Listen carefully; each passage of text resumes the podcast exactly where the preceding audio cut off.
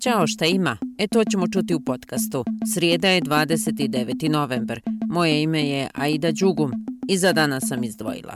1, 2, 3, 4. Završna konferencija regionalnog stambenog programa održava se u Sarajevu. To je zajednički projekat Ministarstva za ljudska prava i izbjeglice Bosne i Hercegovine, Ministarstva prostornog uređenja, graditeljstva i državne imovine Hrvatske, Ministarstva rada i socijalnog staranja Crne Gore i Komesarijata za izbjeglice i migracije Srbije. Te institucije su posljednjih deset godina zajedno provodile regionalni stambeni program kako bi okončali dugotrajnu raseljeničku priču koja je počela tokom ratova 90. godina prošlog vijeka na području bivše Jugoslavije. Konferenciju će otvoriti šef delegacije Evropske unije u Bosni i Hercegovini Johan Sattler. Evropska unija dala je 238 miliona eura za regionalni stambeni program, a dodatnih 56 miliona eura osigurali su bilateralni donatori kao što su Sjedinjene države, Njemačka, Norveška, Švajcarska, Turska, Italija i drugi što je omogućilo da oko 36.000 osoba u četiri zemlje regije dobije nove domove.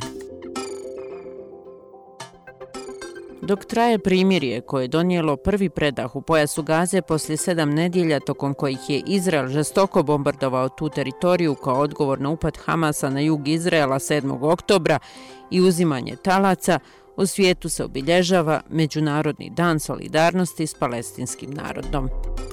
Još 1977. Opšta skupština UN-a pozvala je na godišnje obilježavanje 29. novembra kao Dana solidarnosti s palestinskim narodom, jer je 1947. Skupština usvojila rezoluciju o podjeli Palestine. Godinu kasnije formirana je država Izrael. Danas je i Međunarodni dan braniteljki ljudskih prava.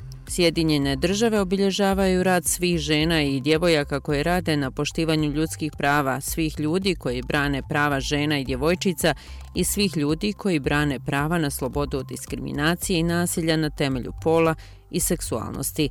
Rad ovih hrabrih pojedinaca sastavni je dio građanskog društva, prosperitetne ekonomije sigurnog svijeta, a ovogodišnja Nobelova nagrada za mir otišla je u ruke upravo takve žene. Zato podsjećam na Narges Mohamadi, zatvorenu iransku zagovornicu prava žena koja je osvojila Nobelovu nagradu za mir zbog hrabrosti i borbe protiv ugnjetavanja žena u Iranu i nemilosrdne borbe za društvene reforme. Her brave struggle has come with tremendous personal cost. Njezina hrabra borba povezana je s ogromnim osobnim gubicima. Sve ukupno režim ju je uhapsio 13 puta. Osudio ju je 5 puta na ukupno 31 godinu zatvora i 154 udarca bičem.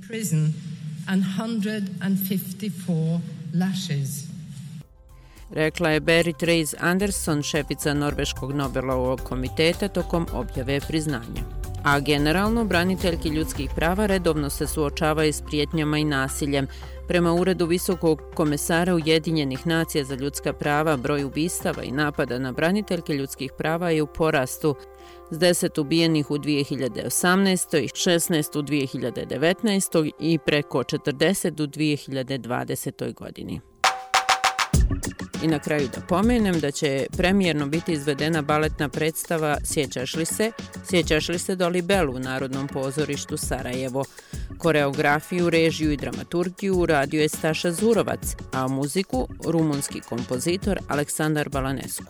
Iako je predstava domaća tema, kultni naslov, inspirisana motivima romana Abdullaha Sidrana Sjećaš li se Doli Bell, isto imenog filma u režiji Emire Kusturice, baletna predstava ima svoj lični karakter i samostalna je. Staša Zurovac je za Fenu objasnio. Strašno inspirativna priča u tom smislu da se kroz neki autorsku vrst teatra nađe neki jezik koji nije ni balet,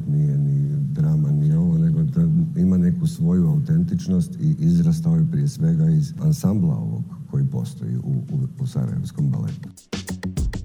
I toliko od mene za ovu srijedu. Čujemo se ponovo sutra.